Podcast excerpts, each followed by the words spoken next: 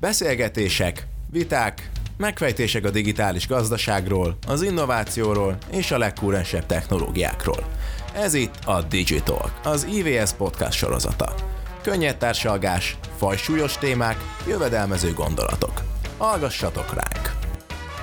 Nagyon nagy szeretettel üdvözlöm a hallgatóinkat a legújabb Digital podcast adásunkban, ahol az elmúlt heteket megszokva folytatjuk a Smart tematikájának a feldolgozását. Április 26-án rendezzük meg az akváriumban a, a Smart konferenciát idén, és az egyik nagy témánk, amit mindenféleképpen szeretnénk feldolgozni 2023-ban, az a fenntarthatóság lesz és azért ül most itt velem beszélgető partnerem, akit mindjárt bemutatok, hogy ezt egy picit felvezessük.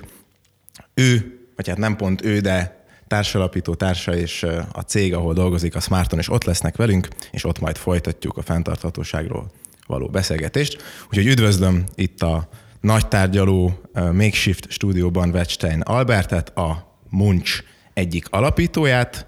Szia! Hello, köszöntöm a hallgatókat. Először is Munch vagy Mancs?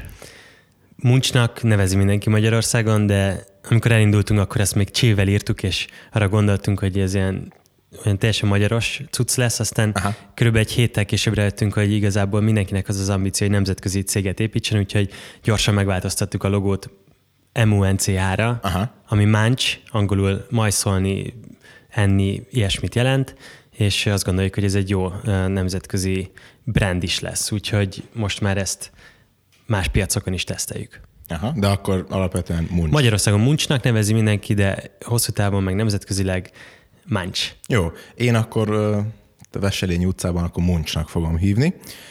Mm, sok mindenről fogunk ma beszélgetni, körülbelül fél órát, de alapvetően fenntarthatóságról, de előtte azért szeretném tudni, hogy pontosan mivel foglalkoztok, mert az, hogy én ismerem a muncsot, az egy dolog, meg valószínűleg a hallgatóink nagy része is ismer benneteket, hallott már rólatok, de azért egy ilyen másfél kötőjel kettő mondatban összefoglalnád, hogy mit csinál a muncs, és hogy honnan jött az ötlet, és hogyan indult az egész? A Munch ez egy olyan platform, egy mobil alkalmazás és egy honlap, ahol féláron lehet megvenni azokat az ételeket, amiket a különböző vendéglátóhelyeken, boltokban, vagy bármilyen élelmiszerrel foglalkozó üzletben aznap nem tudtak eladni, és lejárathoz közeliek, vagy pedig csomagolási hibások, vagy bármilyen okból nem tudják teljes áron értékesíteni. Erre jött létre a Munch, mi nem hozunk ö, házhoz semmit, ö, nem nagyon foglalkozunk logisztikával, hanem egy platformot, egy marketplace-et üzemeltetünk, ahol a kereslet és a kínálat ö, megtalálja egymást. Két és fél évvel ezelőtt ö, hoztuk létre ezt a rendszert, és elég hamar a figyelem középpontjába került, hál' Istennek a, a tevékenységünk, és azóta most már két országban vagyunk jelen, Magyarországon és Csehországban aktívan. Több mint 700 ezer ember letöltötte ezekben az országban az applikációinkat, és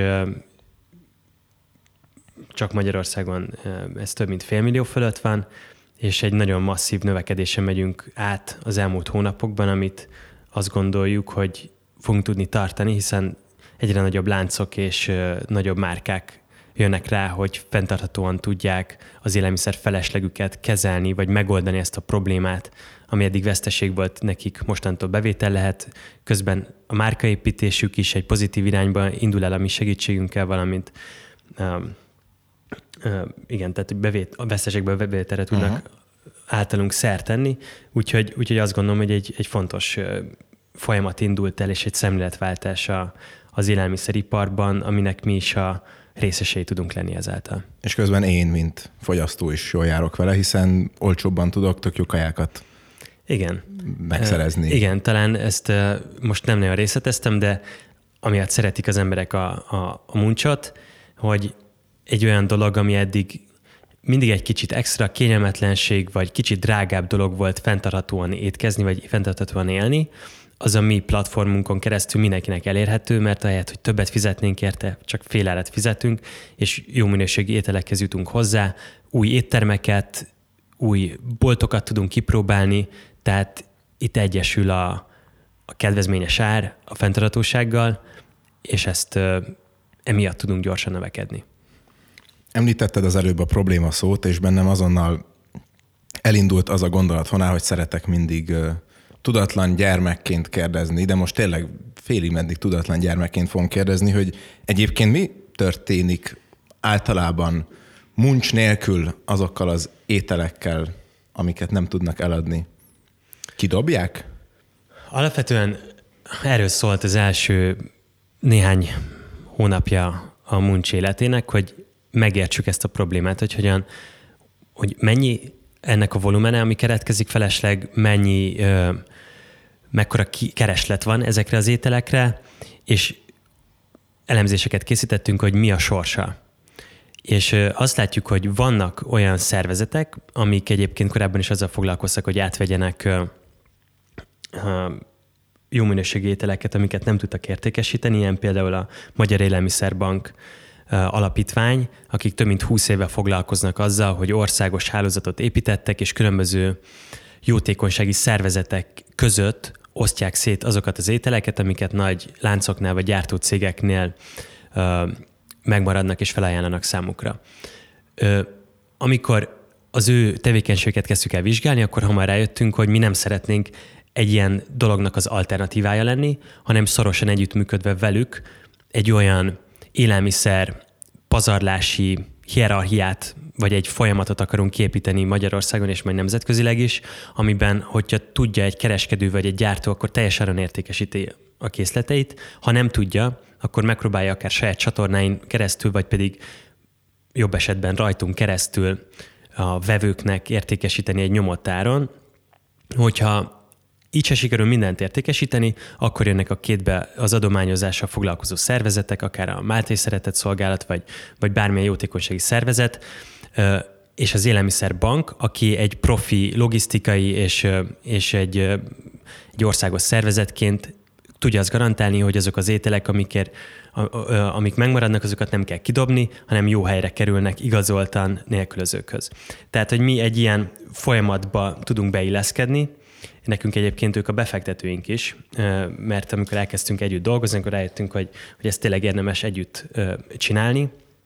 De egyébként, tehát most ez egy ilyen idealizált folyamat, amiről én beszéltem. A gyakorlatban a valóság az az, hogy nagyon sok étteremben a muncs előtt zsákszámra dobták ki az ételeket.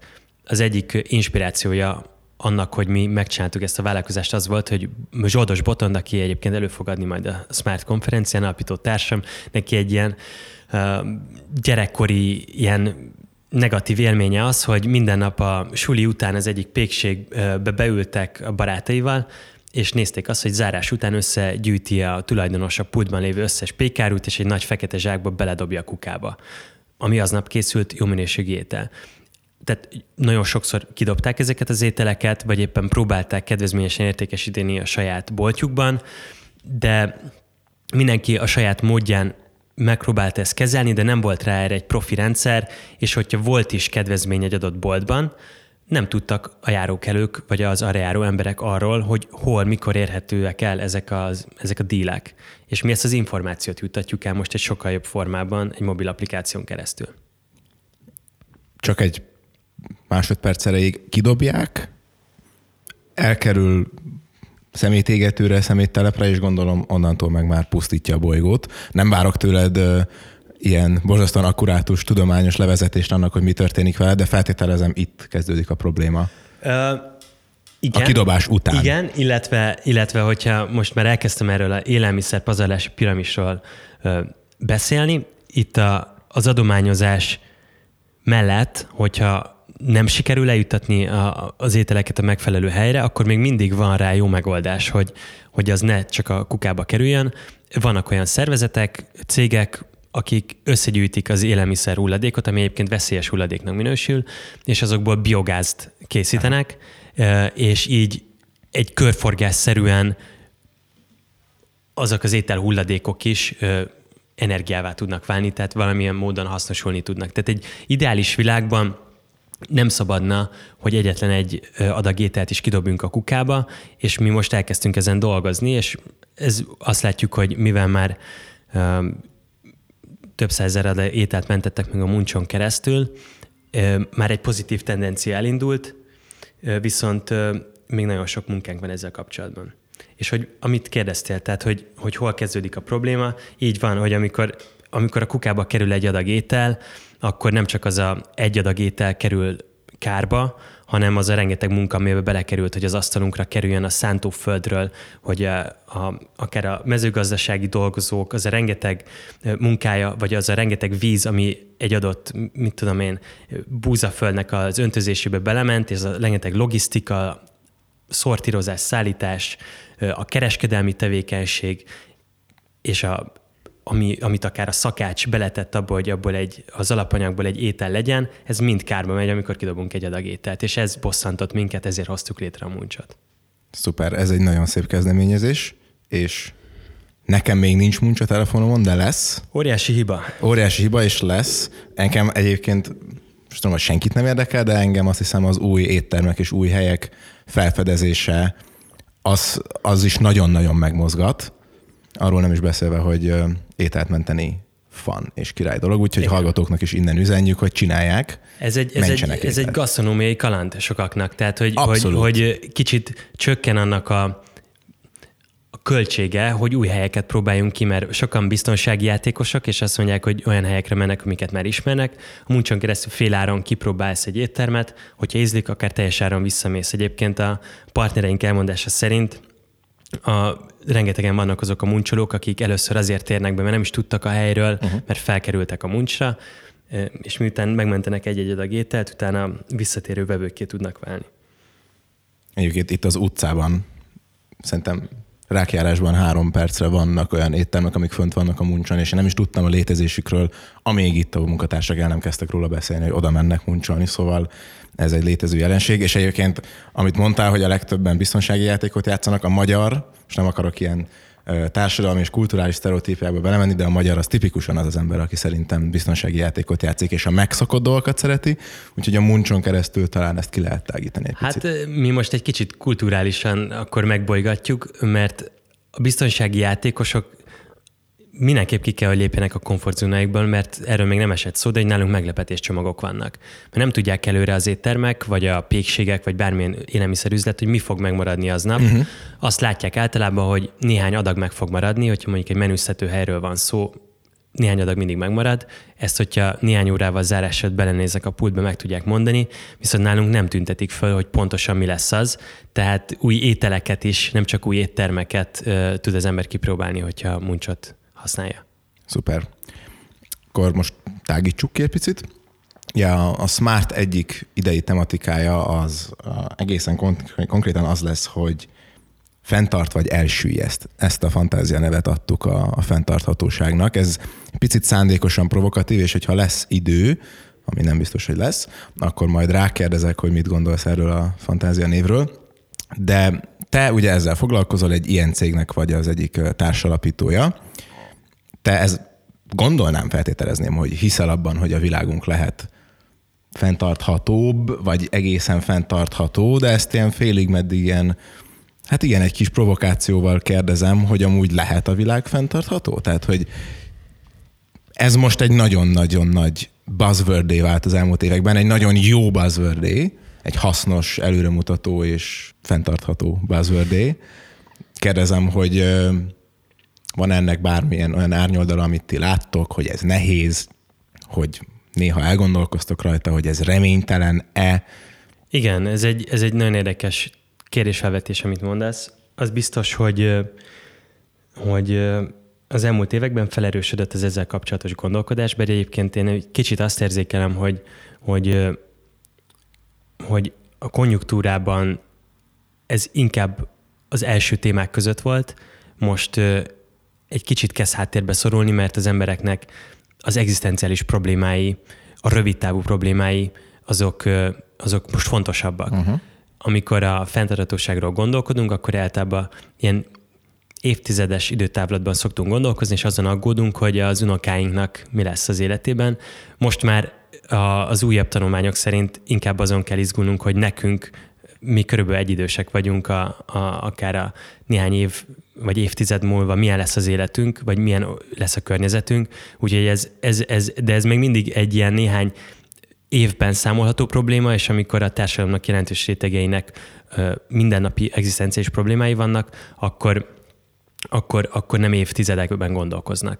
Ezért azt gondolom, hogy, hogy, hogy egy picit átalakul az erről szóló téma, vagy beszélgetés és tematika, de, de az biztos, hogy a top vállalati témák között van a fenntarthatóság most is. Ugye a tőzsdei cégeknél most már egy elvárás az, hogy, hogy az ESG célokkal foglalkozzanak, és sokan kétségben esve, hogy hogyan lehet ezeket a szép buzzword vagy ezeket a célokat valódi tartalommal megtölteni. És vannak cégek, akik azt az utat választják, hogy megpróbálnak a, a szükséges minimum szinten ezzel valódi változásokat eszközölni a saját cégükben, és vannak és akkor elsősorban a kommunikációt helyezik előtérbe a valódi cselekvés helyett, és vannak, akik pedig akár az anyagi vagy a rövid távú haszon szerzéssel szemben hosszú távú profitabilitást és fenntartható szempontokat is be tudnak építeni a működésükbe. Ez, ezek most viszonylag általánosságok, amiket mondtam.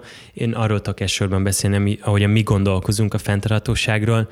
Nekünk ez az alap pillére az egész működésünknek, és mi egy hármas fenntarthatóságban gondolkozunk. Ez a számunkra azt jelenti, hogy nyilván a környezetünk szempontjából fenntarthatóak vagyunk, hiszen az élelmiszerpazarlás az egyik fő oka a károsanyag kibocsátásnak, és mi az élelmiszerpazarlás csökkentésével ezért tudunk naponta közvetlenül a tevékenységünkkel tenni, tehát nem egy mellékes dolog, hanem egy kor dolog. A másik az a társadalmi fenntarthatóság számunkra, ez az, hogy, hogy mi az embereknek valami hasznosat adunk,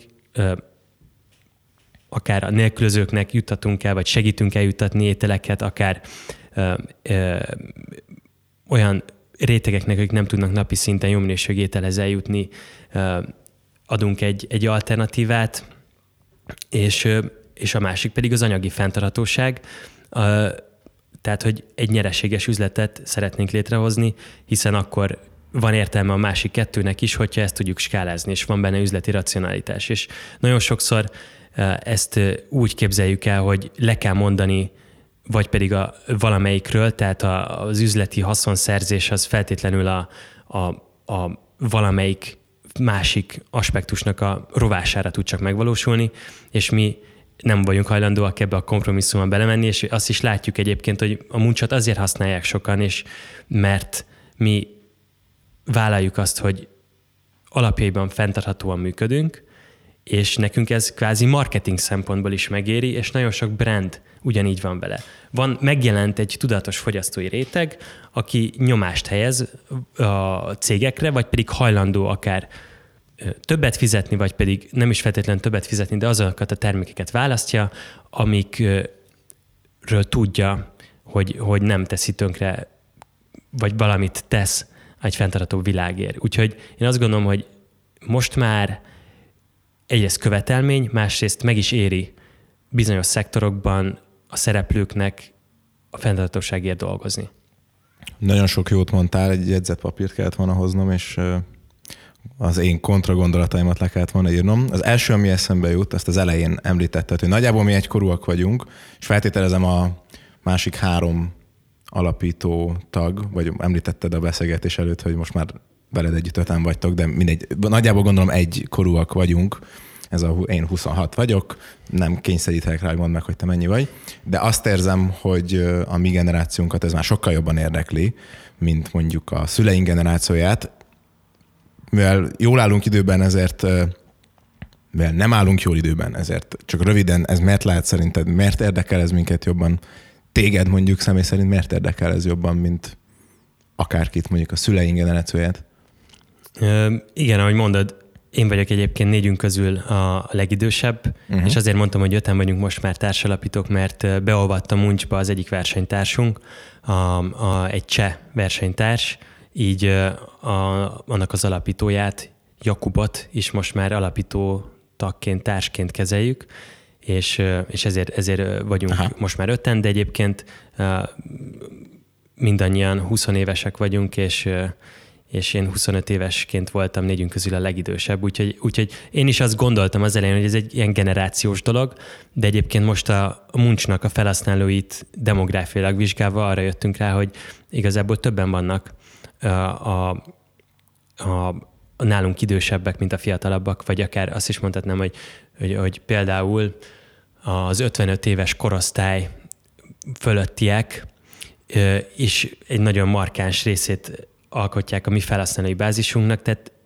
ha, ha csak a muncsot vizsgálom, akkor nem látom azt, hogy, hogy egyébként a fiatalabbak nyitottabbak lennének erre a témára, és egyébként én azt gondolom, hogy, hogy ez egy picit egy ilyen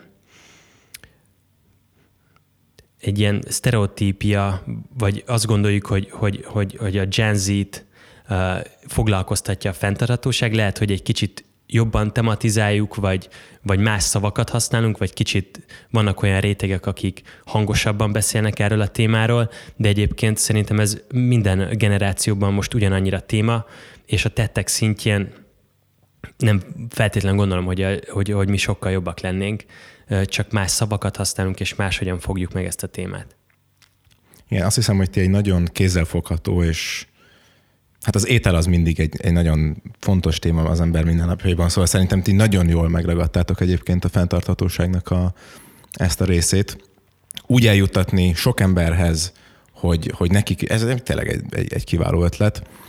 Említetted azt, hogy ez most már egy viszonylag alap dolog a cégeknél is, illetve rá fogok térni arra is, hogy üzletileg mennyire éri ez meg. Beszéljünk egy picit arról, hogy mai fiatalokat ez jobban érdekli, akkor mondjuk egy mai fiatalnak el, előfordulhat, hogy fontos, hogy egy olyan céghez menjen dolgozni, ami figyel a fenntarthatóságra. Tehát ilyen employer branding szempontjából ez egy, egy óriási nagy piros pont lehet egy cég portfóliában, hogy amúgy odafigyel a fenntarthatóságra? Na, most akkor egy kicsit ellentmondok saját magamnak az előző válaszban, mert erről például láttam egy tanulmányt, hogy a, hogy a mi generációnknak a munkaválasztási preferenciái, azok nagyon mások, mint, mint akár néhány évtizeddel ezelőtt. Lehet, hogy ez részben azért is van, mert átalakult a munkaerőpiac, és az utóbbi években munkaerőhiány volt jellemző, most nem tudom, hogy a következő években mi lesz, de ez a felmérés még arról szól. És itt egyébként ebben a generációban jóval megnőtt azoknak az aránya, akik még a fizetésnél is fontosabb szempontnak tartják azt, hogy nem csak az, hogy milyen a környezet, milyen a, milyen a vállalati kultúra, hanem hogy mi annak a munkának a valódi impactja vagy hatása, uh-huh. amit ő végez. Tehát, hogy már nem úgy gondolkozunk mi a munkáról, hogy bemegyek, valamit csinálok, hogy megkapjam a pénzemet, utána hazamegyek, hanem az a fontos, hogy érezzem a hatását, a pozitív hatását a mindennapi munkámnak, és értelmesnek, hasznosnak éljük meg a mindennapjainkat. És ez, hogyha ezt a sztorit nem tudja hitelesen elmondani egy munkáltató, akkor az egy hátrányt fog jelenteni a munkaerőpiacon. Például nálunk egyébként most is van körülbelül 9 nyitott pozíciónk Csehországban, Szlovákiában és Magyarországon, és jellemző az, hogy más hasonló fázisú cégekhez képest jóval többen jelentkeznek, és azt gondolom, hogy ez elsősorban ennek köszönhető, úgyhogy ilyen szempontból is érdemes ebben hitelesnek lenni, mert már nem elég az, hogy, hogy, hogy valaki sokat beszél a fenntarthatóságról, mert akik, a, akik döntenek arról, hogy hol fognak dolgozni, azok utána mennek, hogy ez a cég valóban hitelesen képviseli-e. Ennek egyébként te vagy a legjobb megtestesítője, mert feltételezem, amikor a céget alapítottátok, akkor is az egy első számú szempont volt, hogy egy olyan céget alapítsatok, ami valami hasznosat csinál. Néztem veled egy interjút pár perc előtt, hogy megérkeztél, és abban is beszéltél arról, hogy több vállalkozásba is belekezdtél, de hogy mindig ott volt benned az az igény, vagy az arra való igény, hogy valami valamit hozzátegyél a világhoz, és ne csak, mit tudom én, profit termelés legyen a cél, hanem, hanem ez az egész hasznosság. Igen, itt Bence, a másik üzlettársam, a, vele a muncs alapítás előtt néhány hónappal elkezdtünk beszélgetni arról, hogy, hogy akkor milyen vállalkozásba kezdjünk, mindenféle ötlet volt, és voltak olyan ötletek, amik talán könnyebbek lett, lettek volna, vagy gyorsabban lehetett volna sok pénzhez jutni, valahogyan nem ragadta meg, az, nem, nem éreztük azt az igazi szikrát, hogy akkor na ez az a dolog, amiért hajlandó vagyok naponta 12 órákat dolgozni. És valahogyan, amikor a muncs koncepció összeállt, akkor így nagyon nem is kellett egymásnak magyarázni, hogy ez, egy ez király. Ő egyébként most az ügyvezetője a muncsnak, és a Angliában tanult, és amikor gondolkozott azon, hogy az egyetem után hazaköltözön, akkor elkezdte nézni, hogy vannak-e olyan cégek, ami ami miatt érdemes hazaköltözni, és, és érdemes belerakni azt a munkát, meg azt az elhivatottságot, azt az energiát, ami benne volt, és részben ezért is, lett, ezért is jött létre a muncs, mert nem talált egyébként olyan vállalkozást, ahol, ahol amiben bele tudott volna szállni, mint munkavállaló, és ezért magunknak kellett létrehozni egy olyan vállalatot, egy olyan, olyan ügyet, ami, ami, ami akár másoknak is most már egy, egy, egy, egy lehetőség lehet, amikor azon gondolkozik, hogy hol menjen el dolgozni, hogy, hogy jó helyen jó dolgot csináljon. Nyilván nem vagyunk tökéletesek, mert, mert, mert rengeteg kihívás és rengeteg nehéz helyzet van egy vállalkozás építése során, viszont mi most olyan szabályok szerint és olyan, olyan értékek szerint építjük ezt a céget, ahol mi magunk is szívesen dolgozunk, és talán egy kicsit más szemlélet, üzleti szemlélettel, mint, mint néhány más generáció. Jó, köszönöm szépen ezt a, ezt a választ, és ez nagyon, azt hiszem, hogy jobban átlátom most már, hogy hogyan alakultatok meg, és hogy hova tartotok, de a hova tartotokba beletartozik nekem az üzletileg mennyire éri meg ez az egész vonal, és mivel ö, érkezünk nagyjából a, az adásra szánt fél óra vége fele, ezért ezt a kérdést még odaadom neked, hogy úgy nagyon szép, nagyon-nagyon becsülendő és értékelendő az egész ebbe fektetett energia és a mögöttes szándék az meg kifejezetten. Bennem felmerül, hogy, hogy üzletileg mennyire éri meg fenntarthat, hát gyakorlatilag a fenntarthatóságon keresztül eladni egy, egy céget, egy vállalatot. Erről mit tudsz mesélni? Igen, igen. Ez, tehát még nem akarom ezt elkiabálni, de azt látjuk, hogy egy olyan növekedési pályán vagyunk, hogy, hogy még az idei évben el fogjuk érni a, azt a pontot, hogy a magyar piacról származó bevételünk meghaladja a költségeinket, ergo hitelesen tudjuk azt mondani, hogy majd fenntarthatóak vagyunk. Egyébként eddig, tehát hogy már, már rég elértük azt a pontot, hogy, hogy tudjunk egy nyereséges vállalkozásként ö, ö, üzemelni, ugyanakkor ö, mi úgy döntöttünk, hogy minden bevételünket a növekedésbe forgatjuk vissza. Tehát, egy, hogyha valaki megnézi a, a muncsnak a a nyilvános bevételi adatait, akkor azt látja, hogy mi egy, egy, mint, egy, mint ahogyan egy, egy hasonló korú startup, mi is egy, egy, egy növekedési pályán vagyunk, ami azt jelenti, hogy egyébként veszteségesek vagyunk, de ha a magyar piacot vizsgáljuk, akkor ez hamar át fog váltani egy profitábilis irányba, Úgyhogy, úgyhogy az, az, én hiszek abban az üzleti koncepcióban, amit, amit mi képviselünk, de hogyha öt év múlva beszélgetünk erről, akkor majd kiderül, hogy, hogy sikerült-e megcsinálnunk. Mi most minden erőnken azon vagyunk, hogy ne csak Magyarországon, hanem minél több piacon eljussunk oda, hogy, hogy bebizonyítsuk, hogy érdemes és lehet fenntartható vállalkozást építeni. Ez volt a Digitalk, az IVS podcast sorozatának legfrissebb kiadása. Ha mindent tudni akarsz a digitális gazdaságról, az innovációról és a legújabb technológiákról, akkor kövesd a műsort az IVS platformjain.